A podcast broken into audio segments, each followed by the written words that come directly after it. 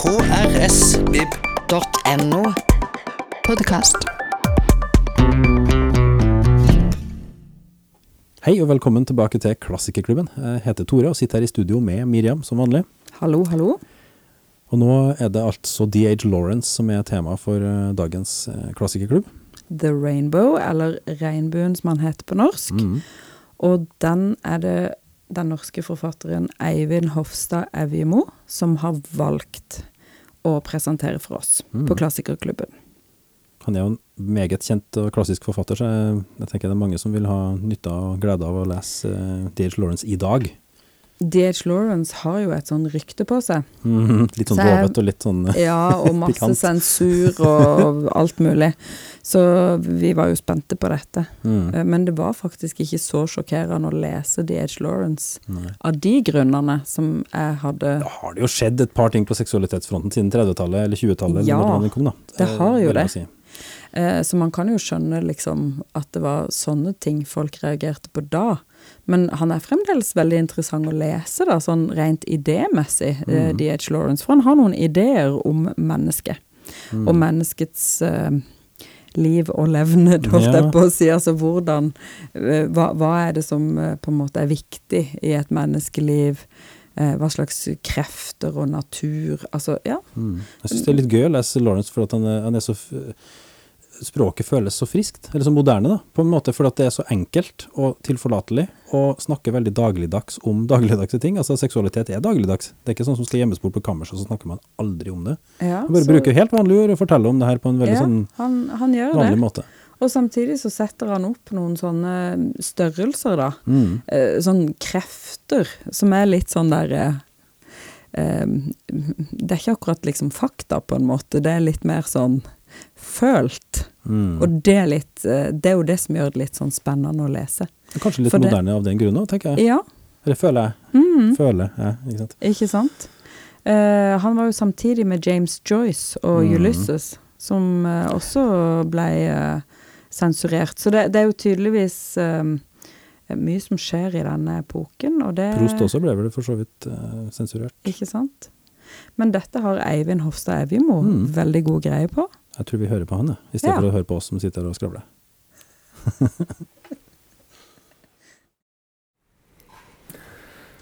Ja, takk for det, Miriam. Eh, og takk for at dere er her. Dere har trukket det ut. Så vi danner en liten lesesirkel her. Eh, jeg skulle være her for et par måneder siden, for jeg skulle, så ble jeg stoppa av visse verdenspandemier. Eh, men grunnen til at jeg i utgangspunktet hadde lyst til å lese denne romanen, og hadde lyst til å snakke om den her eh, det var egentlig en serie tilfeldigheter. for at Jeg leste den siste essaysamlingen til en forfatter som heter Rachel Cusk. Hvor hun har en, um, et essay om Lawrence Rainbow. Som bare Og jeg setter Rachel Cusk veldig høyt. Så tenker jeg at hennes litterære smak må man lytte til. Uh, og så dukka han dukka jo han D.H. Lawrence opp i Tor Øystein Øvreås essaysamling i dette landskap, hvor han skriver eh, med blurb-sitatet Med hånda på hjertet, aldri har jeg lest noe lignende. Det er, det er mulig å lese romanen som en 550 siders langt prosadikt. Så det var liksom mange ting som bare wow, trigga meg til å gå inn i denne romanen. Samtidig så skriver han eh, for øyeblikket sjøl på en roman som tar utgangspunkt i, eh, i det norske land, landsbygda. Så jeg, jeg har vært sånn utrolig sånn sulten på å finne gode litterære beskrivelser av eh, relasjonen mellom eh, familie og landskap, individ, eh, samfunn og dyr og skog og den typen tematikker. Som, eh, som på en eller annen måte når jeg begynte å skrive min roman, framsto som håndterlig. Når jeg plutselig begynte å jobbe med det, så var det eh, komplekst og vanskelig. Så jeg har derfor oppsøkt en del romaner som da handler om denne typen eh, ting. Eh, men vi, vi skal jo snakke om en klassiker i dag. Og, uh, og hva er en klassiker? Jeg har jo på en eller annen måte tanke om at en klassiker handler om storhet.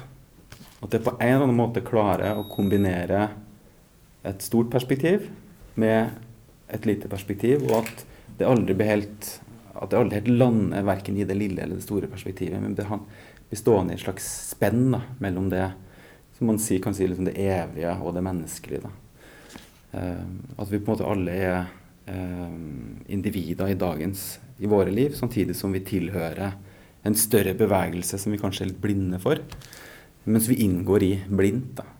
Det syns jeg er utrolig fascinerende og når jeg leser uh, store romaner, da, særlig ofte 1800-tall eller tidlig 1900-tallsromaner, så er det ofte det her episke draget eh, som, som gjør at du blir kjent både med familier, men òg samfunn.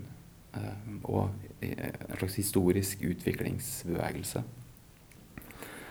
Eh, den romanen som kanskje ville vært aller mest naturlig for meg å snakke om i denne sammenhengen, er 'Til fyret' av Virginia Woolf. Ettersom det er liksom den klassikeren jeg tenker at, som jeg setter aller høyest. Men den, for, den, kan jeg tenke meg at allerede har vært her, og sikkert mange har snakka om allerede. Eh, men det er en bok som jeg setter hvert fall veldig veldig høyt. Um, og det var litt interessant, for det er jo en britisk forfatter samtidig med Deage Lawrence, og interessant å se litt i forhold til det han gjør i denne romanen. Uh, for der man kan oppleve at Virginia Woolf er en mye mer sånn uh, kjølig og intellektuell forfatter så er Deej Lawrence mye mer sånn fysisk og direkte, ofte ganske patosfylt forfatter. Uh, hvis man leser litt om resepsjonshistorien rundt Lawrence, så er det jo det som ofte blir trukket fram som en av svakhetene hans. Da, at han ofte blir litt vel sånn uh, ja, regnbue og evighet og sjel og den type ting.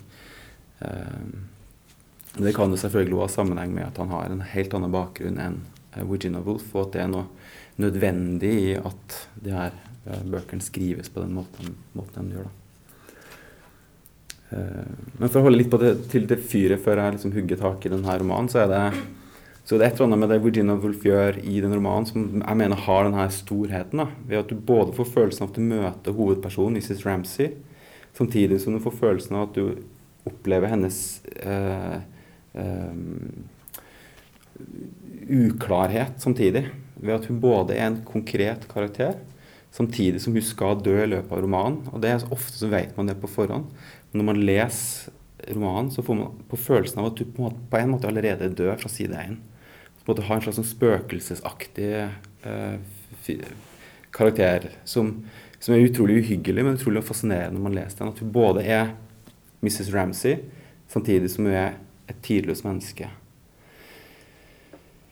Et annet eksempel er en annen roman som jeg har sett veldig høyt. Eh, 'Madame Bovary' av Flaubert, som også har litt den samme kvaliteten. Jeg vet ikke om noen har lest den. Eh, det har òg Madame Bovary som både er en veldig tydelig og sterk enkeltkarakter, men òg et menneske som er fanga og på vei til å forsvinne liksom, i sin egen tid. Um, Litt på samme måte som Madame Bovary, som både har sin forsvinning kommer jo til å dø i løpet av romanen, men det er akkurat som det døde allerede til stede fra side én. Altså du på en måte, det faller til stede i, allerede på side én. Hvis man leser, når man leser denne eh, boka, så får man jo følelsen av at eh, hva er det som er utviklende, hva er det som går framover, og hva er det som går i sirkel. Veldig lenge så er det jo sirkelbevegelsen som karakteriserer karakterutviklingen i denne romanen.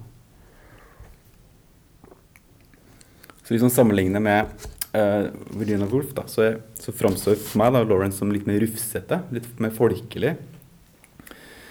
Um, og det var et eller annet, Han var en veldig rastløs forfatter, og han skrev utrolig mye. Han, um, han etterlot seg da 41 bind i den autorative Cambridge-utgaven. Det her står i etterordet tolv romaner, 50 noveller, over 1000 sider med dikt. da.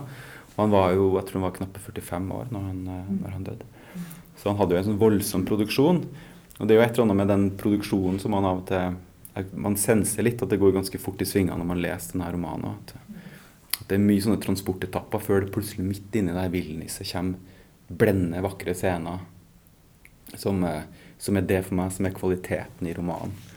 Uh, og at jeg, frem, at jeg opplever det her som en roman av en forfatter som, som er på søken etter det her avgjørende øyeblikkene. Men da som en, kanskje en, gåsetegn bedre forfatter ville kanskje tatt ut transportetappene. Men han lar dem bare stå, da, for det er en del av hans måte, poetikk. da. Uh, man kan kanskje si at Lawrence ble liksom mindre anerkjent da, i den litterære eliten. Uh, han var jo eh, sønn av en gruve, eh, gruvearbeider. Og hadde, og hadde mye av det arbeiderklasseidentiteten inn inn i, det, i arbeiderklasseperspektivet når han skrev sine, sine ting. Men kanskje enda mer så har han blitt kjent som en slags erotisk og pornografisk forfatter. Uh, F.eks. med denne Lady Chatley's Lover, som, jeg, som hadde, fikk en sånn en, en, banner, en band over seg, er det de sier? Som ikke ble oppheva før i, i 1960. Så det er en, en, en person som, så et forfatterskap som har på en måte en slags enigma av noe ulovlig og noe overskridende over seg. Da. Uh, men som, uh, som, menneske så lever jo D.H. Lawrence i en overgangsfase, da, som òg denne romanen tar for seg. Uh, det, blir, her blir jo grove historiske skisma, da, men altså fra en slags industrialisme der kroppsarbeidet står sterkest over til en mer modernitet, der en annen form for sentralisering skjer, og osv.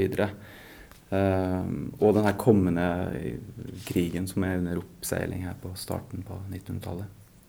Så på mange måter så, uh, så fikk jeg meg til å tenke på 'Markens grøde' av, uh, av Knut Hamsun, som må beskrive en slags overgang fra landsbygda, kroppsarbeidet, over i en mer og den konflikten mellom det nye og det gamle på en ganske tydelig måte. da. Så det er jo interessant å, å, se det her litt sånn sosiologisk, at det her perspektivet, konf konflikten eller kollisjonen mellom det gamle og det nye, det var et, eller annet som, var, eh, som sikkert opplevdes som veldig sterkt i denne perioden. For oss som lever i dag, så var det kanskje bare ja ja, de dro inn til byen og endra, fikk nye jobber. Men for dem var det virkelig en identitetsforandring. Uh, da. Uh, og i etterordet, i hvert fall i den norske utgaven, så, så gjør jo Peter, Peter Fjågesund ja, gjør en veldig fin eh, Kobler også liksom D.H. Lawrence og Hamsun sammen på litt, eh, litt ulike måter. da. men jeg, jeg, leste jo denne romanen Jeg hadde den veldig ferskt når jeg, lest, når jeg skulle hit for, forrige gang, som var da i var vel i mai eller noe sånt tidlig. Jeg er midt i koronafasen i hvert fall. Uh, og så har den egentlig bare ligget litt sånn i, i bak, bakhuet. Uh, så jeg tok den jo opp da for, for en uke siden, og så, jeg, og så begynte jeg å lese. Og det her er jo virkelig virkelig en, en, en, en stor roman. da. Det er en, veld, det er en veldig overveldende roman. Det er en litt sånn napoleonskakeaktig. Du bare blir pøsa full da, av kalorier der du sitter og, sitter og leser. da. så det er en veldig sånn overveldende leseopplevelse. Eh, som krever egentlig en ganske tålmodig leser. Og at en, det krever at du på en måte følger det her eh, Det jeg kaller transportetapper. da. Eh, før du kommer liksom til det som er skikkelig good stuff. Um, så jeg, har, jeg, kjenner jo på liksom frykt for denne samtalen, at jeg skal greie å kunne samle denne romanen inn i en liten en halvtime eller 45 minutter. Så jeg gleder meg veldig til å høre liksom, hva, hva, flere skal si om det. Men dere som har lest halve eller hele eller uh, ingenting, så er det, følger jo romanen Det er jo en slektsroman. som følger Bragwen-slekten, som da er bosatt i Midt-England. Man følger dem i tre generasjoner fra midten av 1800-tallet og fram til tida før første verdenskrig. Så det er liksom tids tidsrommet vi ferdes i. da. Så det er med andre ord ikke Lawrence, kun Lawrence sin egen samtid. Det er jo en historisk roman. Så han òg skriver en historisk roman fra sitt perspektiv. Noe som tilsier at han har vært interessert i å få fram hvordan de her brytningene i det britiske samfunnet da har ført fram til det. Um, sånn som det var i hans samtid.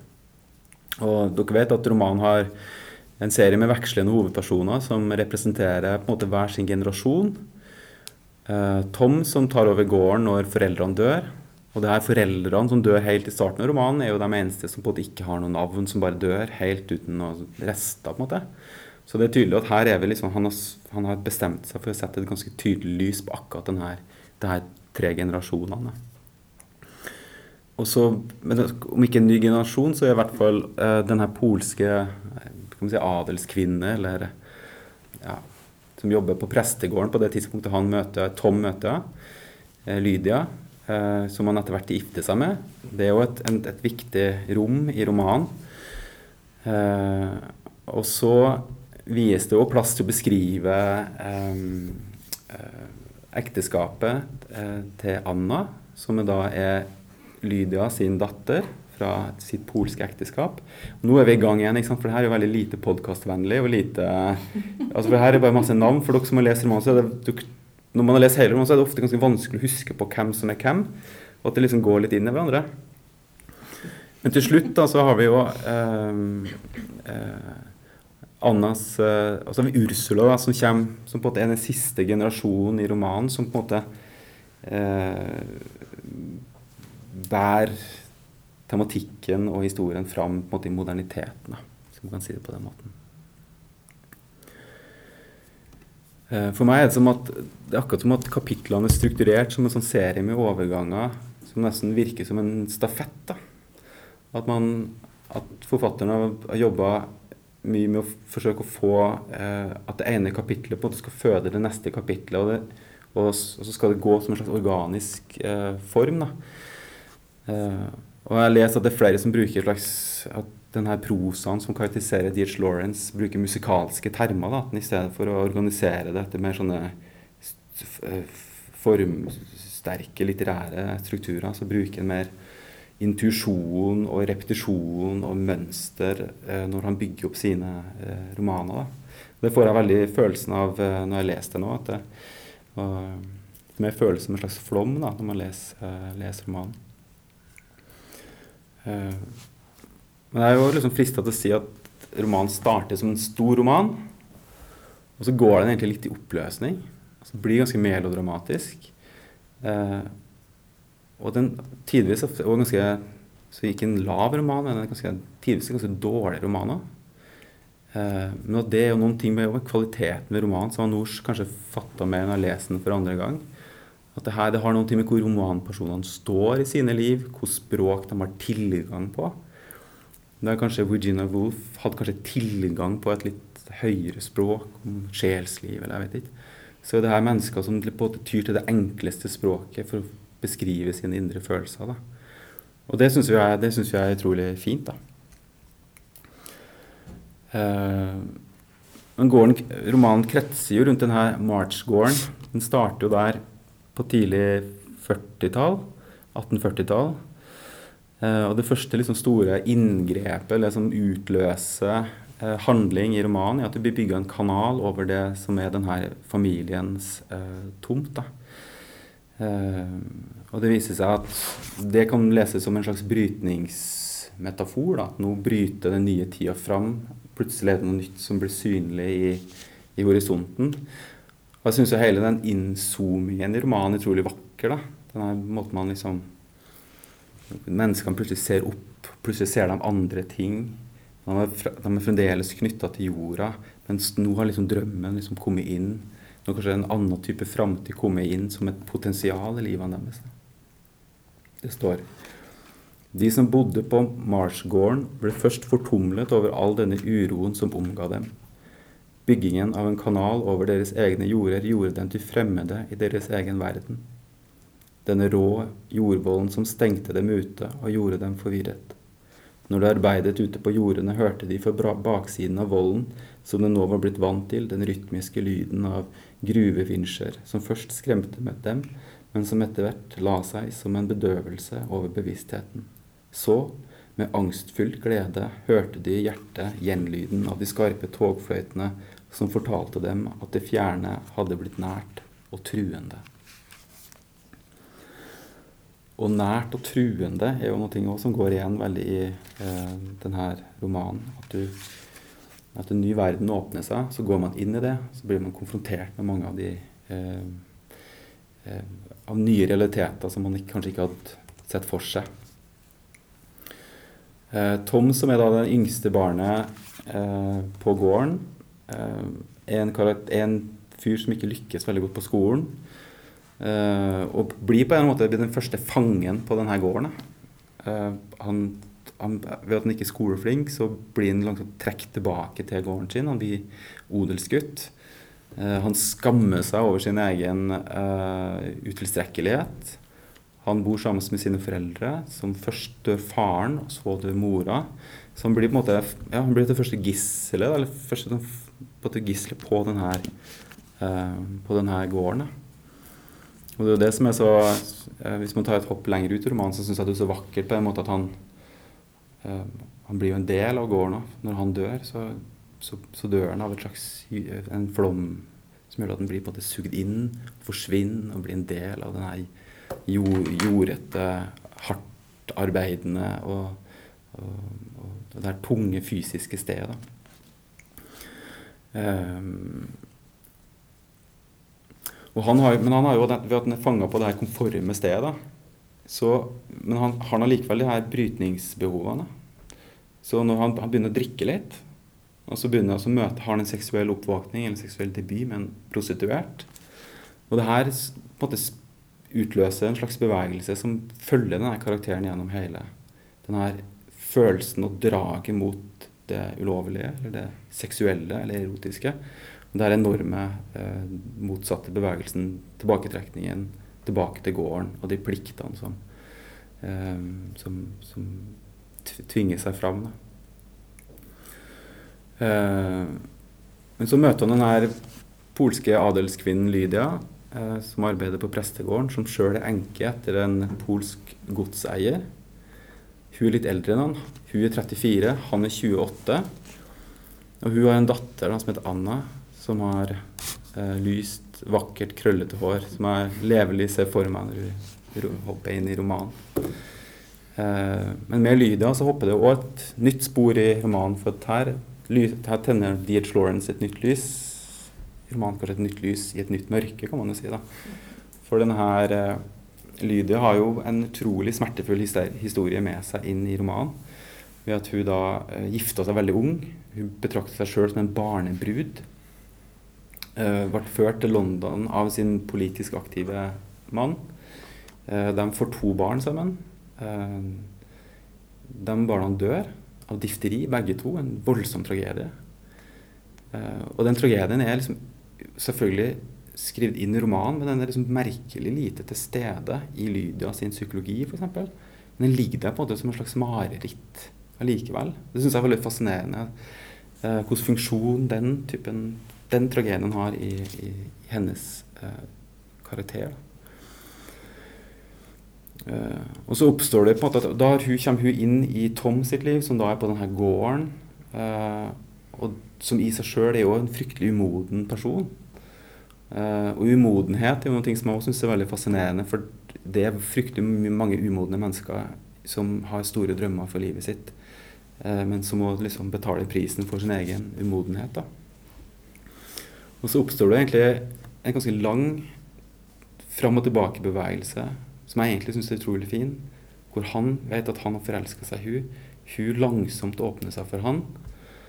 Eh, eh, og at han til slutt da går og oppsøker Lydia. Står og spionerer litt på henne som en hvilken som helst 14-åring. Før han da ringer på og går inn og frir. Og det frieriet er såpass rasjonelt at ja, nei, sånn, sånn det passer. Det passer.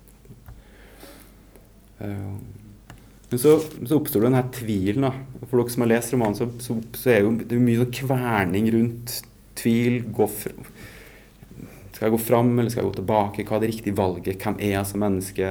Hva er mitt mål? Og så videre og så. Eh, så da har Lydia og, og Tom funnet hverandre. Eh, men allikevel så oppstår det liksom ikke et øyeblikk av fred. da. Det er en roman som er helt uten øyeblikk av fred. og det det kanskje innebærer å bære preg denne flommen av opplevelser av å lese romanen. Det er en veldig rastløs roman. Personene slår seg aldri til ro i sine egne liv. Da. Det står og Nå jeg hoppa litt ut i den historien med, med Tom og Lydia, hvor han på en måte analyserer situasjonen sjøl. Brangwin gikk opp på rommet sitt og ble liggende og se på stjernene i sommernatten. Hele hans verden var i opprør. Hva var alt dette?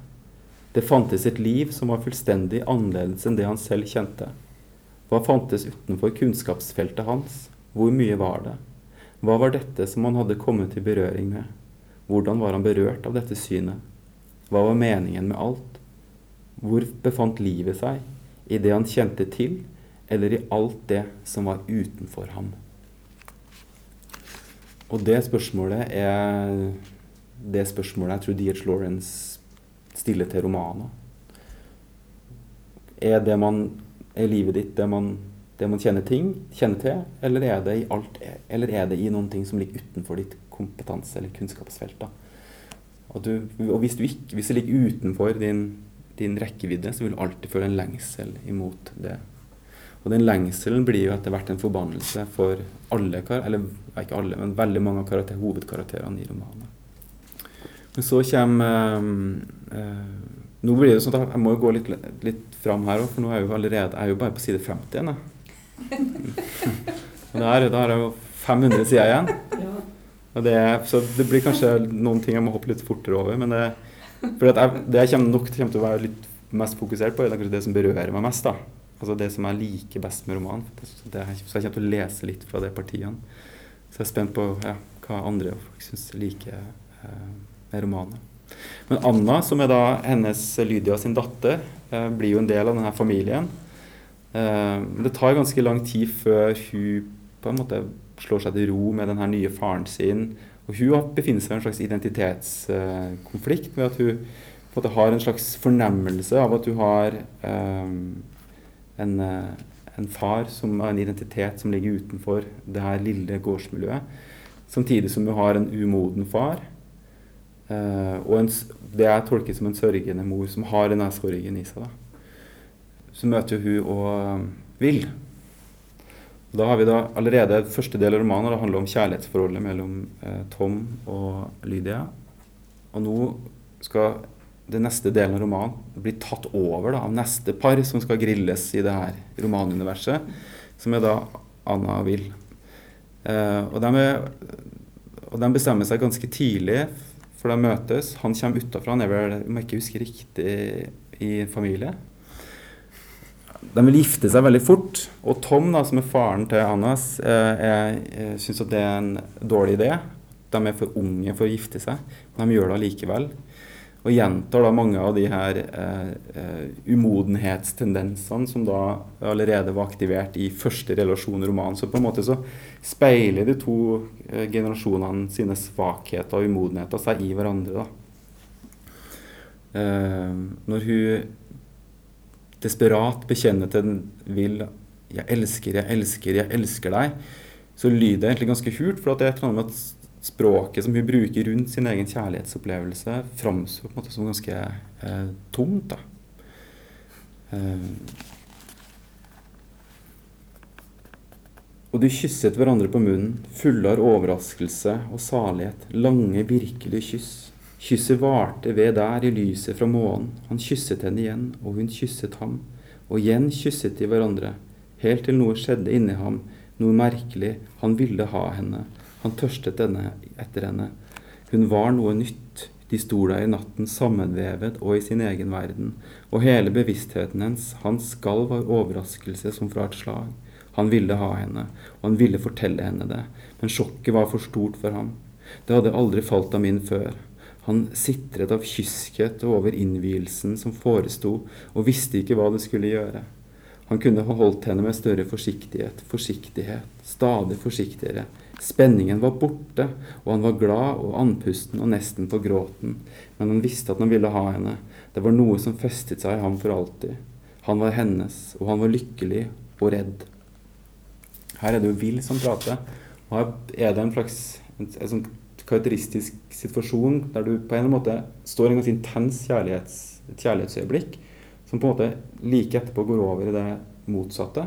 I gråten og tvilen og det ulykkelige og det vemodige og bevisstheten om at det her kommer til å gå over, og jeg vet ikke hva det er, og hva er det en del av.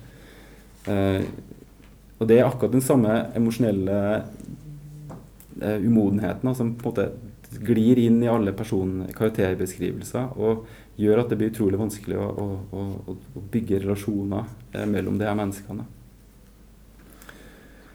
Eh, men en ting av det som, som jeg syns er veldig rørende i romanen, er at til tross for at det her er innestengt, mennesker som både er innestengte i sine egne liv, da, så er det jo også scener, og det, det scenen jeg mener er aller best, da, en hvor jeg opplever at menneskene plutselig møtes. da.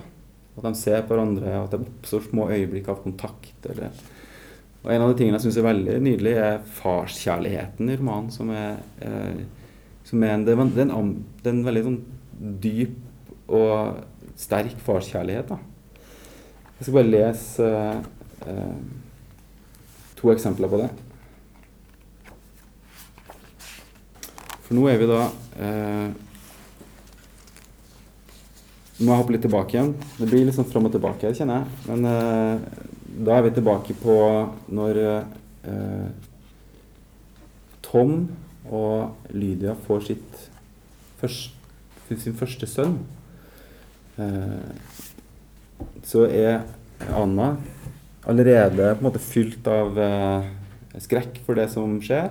Hun vil være hos mora si, som da er under fødsel. Samtidig som at han heller er litt nok en gang denne umodenheten, at ikke han vet helt hvor han skal plassere seg. Men at han da eh, bestemmer seg for at hans løsning på situasjonen er at han tar med seg eh, Anna med seg ut i fjøset eh, mens da denne fødselen pågår. Eh, Kom, sa han og reiste seg for å finne på noe. La oss gå og gi mat til dyra. Han tok et stort sjal, pakket det rundt henne og gikk ut i kjøkkenet etter fjøslykta. Du skal vel aldri ta ungen ut en sånn kveld som i kveld, sa Tilly. Jo, det er for å roe han ned, svarte han. Det regnet. Barnet ble plutselig stille, lamslått av mørket og regnet mot ansiktet. Vi skal bare gi kuene litt, litt å spise før de går til sengs, sa Bragwan til henne, mens han holdt henne tett og godt inntil seg. Det lød en jevn sildring ned i vanntønna, en liten sprut av regndråper havnet på sjalet hennes, og lyset fra fjøslykta svingte fram og tilbake og skinte på de våte steinhellene og nederst på en våt vegg. Ellers var det mørk som i en sekk. En pustet, en pustet mørke. Han åpnet dørene, den øverste og den nederste, og de kom inn i den høye, tørre låven som luktet varmt, selv om den ikke var det. Han hentet lykta på spikeren og lukket døra. Det var, var, i en annen verden nå. Lyset skinte mykt på treverket, på de hvitkalkede veggene og den store bingen med høy. Redskap kastet lange skygger. En stige sto oppreist mot den mørke buen under mønet. Utenfor silte regnet ned. Innenfor var den svakt, svakt opplyste roen og stillheten i låven. Mens han holdt barnet på den ene armen, gjorde han i stand fôret til kuene. En gryte med hakket høy, mask og litt mer. Barnet så full av undring på det han gjorde. En ny bevissthet for den nye tilværelsen våknet i henne. Av og til løp en skjelving gjennom den lille kroppen som et ekko fra stormen av gråt som nå hadde gitt seg. Øynene hennes var åpne og undrende, tafatte. Hun var taus og aldeles stille.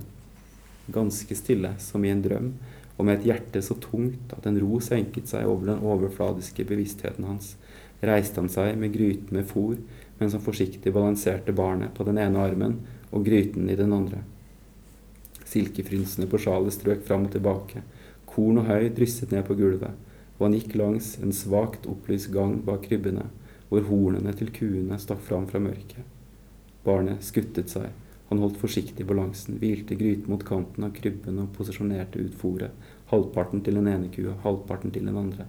Det klang i kjettinger, idet kuene brått løftet eller senket hodene, og deretter kom en tilfreds, beroligende lyd, en langvarig snøfting mens dyrene spiste i stillhet. Så det her er altså da en scene som da oppstår da eh, Tom tar med dattera si eh, inn i fjøset mens da mora føder hennes første halv, halvbror, på en måte. Eh, og det er sånne typer scener som jeg syns stramme grep i romanen gjør den større da, enn en mange av de her litt mer sånn transportetappene eh, antyder. da. Eh, for her har vi både den her Anna, som da har kommet til gården, eh, ikke har tilknyttet seg stedet. Hennes mor skal få et nytt barn. Hun har to barn, altså det, som har da mista to barn på et tidligere sted i livet. Og så er denne eh, handlingen bare å, å, å, gi mat til dyrene. Det avløser på en måte den dramatikken i, i situasjonen på en så utrolig fin måte. da. Men da har vi på, måte, på det, her, det her tidspunktet så har vi kommet da i to måte, generasjoner inn i romanen. Nå har vi Anna og, eh, og, Will. og da det neste på en måte slutten, den neste viktigste generasjonen er representert med Ursula. Som da er på en måte den kanskje tydeligste utbryterkarakteren i romanen, som da går lengst i å, å bryte opp båndene til, eh, til, til, til, gården. Som da prøver å gå hele veien inn og bli en utdanna ung kvinne. Og få seg en helt vanlig jobb. Eh, og jeg syns også fint måten D.H. Lawrence å gjøre Ursula til en eh, mangefasert karakter. da. Det er Ursula som på en måte tidlig viser interesse for familiehistorien. Det er hun som stiller spørsmålene til, til mora og bestemora si. Eh, så det er veldig tydelig at Ursula har en sånn kraft da, som romanen er interessert i, nemlig en kraft for forandring. da. Eh, det er veldig mange av de andre karakterene går veldig mye i sirkler da, og får sine barn. Jeg syns det er så fint på et tidspunkt når, Anna, når eh, Jeg tror det er Anna som, som, som Deal Lauren skriver Hun ga opp sine drømmer. Hun fødte sine barn. Som, er et veldig, som, er, som slår meg som en slags motsetning i forhold til det valgene Ursula da ender opp med å gjøre. Da. Eh, ved at hun drar og forsøker virkelig å forandre livet sitt. Da. Og hun bryter på en måte med de her, både det geografiske, men også det religiøse eh, eh forpliktelsene. Hun blir ganske fort tatt inn i, i en relasjon også, som holder på, på en måte å tvinge inn i de samme sirklene som hennes forkvinner. Eh, skre, skrebenske, heter det. Som da eh, er en person som hun forsøker å forelske seg Hun investerer såpass mye mange forsøk på henne at tidvis i romanen så, så innser hun at hun, eh, at hun er forelska i ham. Eh, men, eh, men, det fins hele tida en sånn rastløshet i Ursula-karakteren som gjør at du bryter ut av det stabile. Og det er jo på en måte den, der romanen etter hvert år skal føre oss helt til slutten. Da. Det kan vi komme, komme tilbake til. Uh, og det er kanskje også Ursula som jeg nok tenker har det mest uh, Hva skal jeg si uh, I sin tid sikkert mest kontroversielle Eh, erotiske opplevelser nå eh, ved sine møter. Hun er kanskje det mer førende, mer tydeligere seksuelle vesenet i sine relasjoner. Hun får òg en relasjon til, en, til, læreren sin, Miss Inger, som en helt, egentlig en nydelig relasjon. For det virker som at hun på en måte utforsker Hun er en person som utforsker sida av seg sjøl, og havner på nye steder i, i, i form av det. da en av de scenene som, med den her Miss Inger, som er da hennes lærer, så syns jeg det oppsto et sånt øyeblikk som, må et av mine små gulløyeblikk i romanen, på lik linje med denne scenen som jeg leste i stad om her, um, det her fjøset. Så er det når Miss Inger hun skal ha svømmeundervisning sammen med en kvinne som er eldre enn seg sjøl, som hun da føler en vag En veksling mellom en øyeblikk vag, neste øyeblikk veldig sterk tiltrekning til. Det var Miss Inger som skulle ha svømmeundervisningen. Da skalv Ursula, hun var svimmel av sinnsbevegelse. Nå skulle forventningene hennes bli til virkelighet. Hun skulle, hun skulle få se Miss Inger i badedrakt. Dagen kom. I det grønne bassenget glitret vannet i blekt smaragdgrønt. En nydelig, glitrende fargemasse innenfor de hvite, marmoraktige bassengveggene. Lyset falt mykt ned over dem, og den store, grønne mengden av rent vann beveget seg når noen stupte for kanten. Skjelvende og knapt i stand til å beherske seg tok Ursula av seg klærne, trakk på seg den etterskitne badedrakten og åpnet døren til avlukket. To jenter var ute i vannet. Lærerinnen hadde ikke kommet, hun ventet. En dør åpnet seg. Miss Inger kom ut, kledd i en rustrød tunika, slik som hos greske jenter, knyttet rundt livet og med et rødt silketørkle rundt hodet. Så nydelig hun var. Knærne hennes var så hvite og sterke og stolte, hun var fast i kroppen som Diana. Hun gikk med en selvfølgelig mine til kanten av bassenget, og med en likegyldig bevegelse stupte hun uti. Et øyeblikk inntok, iakttok Ursula de hvite, glatte, sterke skuldrene og de ubesværede armene som svømte. Så stupte hun uti, hun også. Ja, nå svømte hun i det samme vannet som sin kjære lærerinne. Hun beveget lemmene med vellyst og svømte for seg selv, fylt av nytelse og likevel med, util, med et utilfredsstilt begjær. Hun ønsket å berøre den andre, berøre henne, føle henne. Det utilfredsstilte begjæret er jo noe som blir byggende for Ursula og hennes karakter. Det, det som er interessant, er at Steve Lawrence gjør det ganske tydelig at uh, gjennom at uh, Miss Inger viser seg på en måte ikke å, å, å være den personen som Ursula hadde håpet hun skulle være. Uh, og det kommer fram bl.a. ved at hun blir sammen med en sånn en av hennes onkler som da er kapitalist og gruvemann.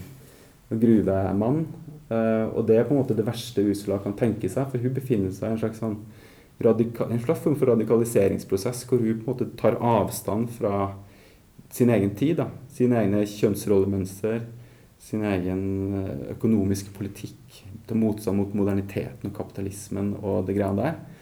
Uh, for å finne ut hvem hun er. Så hun har nok den tydeligste og gå lengst i å undersøke hvem hun er. Så Miss Inger blir jo på en måte en, en, en, erotisk relasjon som ikke fører hun fram til den hun er, men det stopper på en måte ikke hennes på det rastløse jag da, etter å finne svar på kjernen i hennes liv. Uh, og hun blir jo, det er jo En utrolig, en stor del av romanen er jo en, en skoleroman. for hun, hun, blir jo etter hvert lærer på en ganske fattig skole. Eh, å bli lærer for en gruppe ganske ulydige og trassige og vanskelige gjeng. Da. Og det er på en måte en sånn utrolig fin måte for en forfatter å plassere og utløse og tvinge fram en rekke ulike reaksjoner i et miljø. Da. Og det får jo fram for Du setter liksom en karakter så ekstremt i kryssilden for, uh, for samfunnet og for uh, kritikk. Og Ursula blir jo hele på å gå under i denne lærersituasjonen.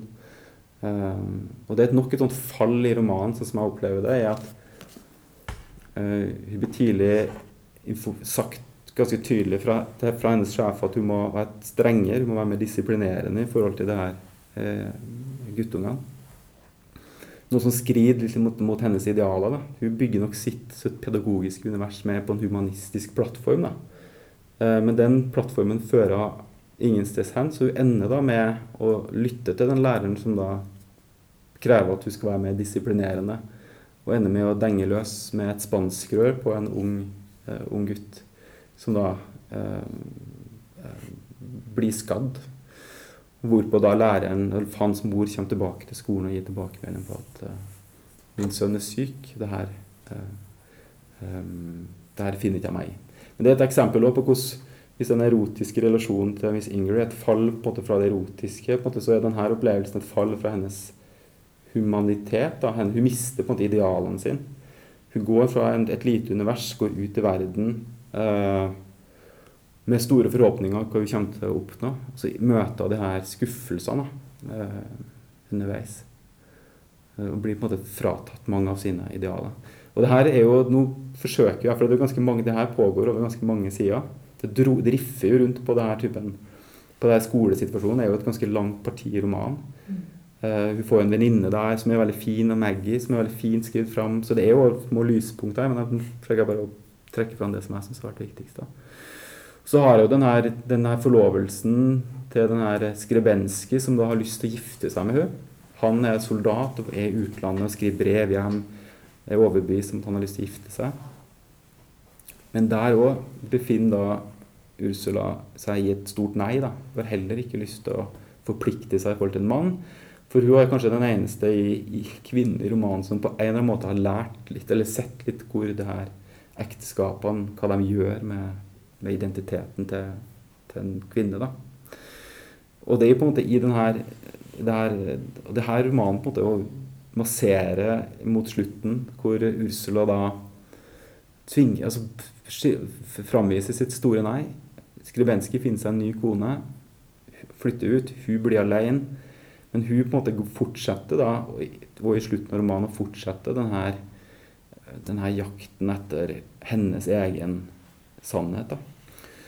Eh, men slutten er såpass uh, Den er jo litt mangetydig, den, men den har noe veldig enkelt over seg ved at den, den, stopper, den slutter på et tidspunkt hvor Ursula er på et ganske radikalt tidspunkt. Hun har sagt nei til mange mange ting. Men så ser hun allikevel denne regnbuen som da eh, som går hun igjen på andre steder i romanen, som et slags sånn symbol for et eller annet større. En slags en fellesskaps eh, Et håp for framtida eller et eller annet sånt. Det vet ikke jeg. Jeg syns fremdeles at jeg har litt sånn problemer med å gripe helt liksom hva regnbuen peker på. Jeg syns regnbuen på at det er liksom, kanskje litt sånn klisjé, skal man si det. Men samtidig så er det et eller annet veldig fint i at romanen egentlig i alle partiene er veldig opptatt av himmelen. Hvis man leser alle karakterene vender seg mot himmelen, ser på himmelen, søker svar i naturen, søker resonans i naturen, for, for å forstå seg sjøl. Så det er ingen tvil om at det finnes en slags sånn vitalisme i romaner, som handler om at, at, at menneskesjelen står på en måte i en slags vitalistisk relasjon til naturen og verden. og jeg syns Ursula på en måte er den mest vitalistiske karakteren i romanen. At hun på en måte sprenger liksom ut av sine grenser, ut av, sine, ut av sin kropp, ut av sine grenser. Men det er iallfall én måte å se det på. Nå har jeg snakka kjempelenge. Eh, Skal vi Så nå kan jeg Nå har jeg lagt noen ting på bordet, og så håper jeg det kan være noe å snakke videre om. Flere podkaster fra oss finner du på Google Podkast, Apple Podkast eller iTunes, eller ved å stikke innom vår hjemmeside på krsbib.no.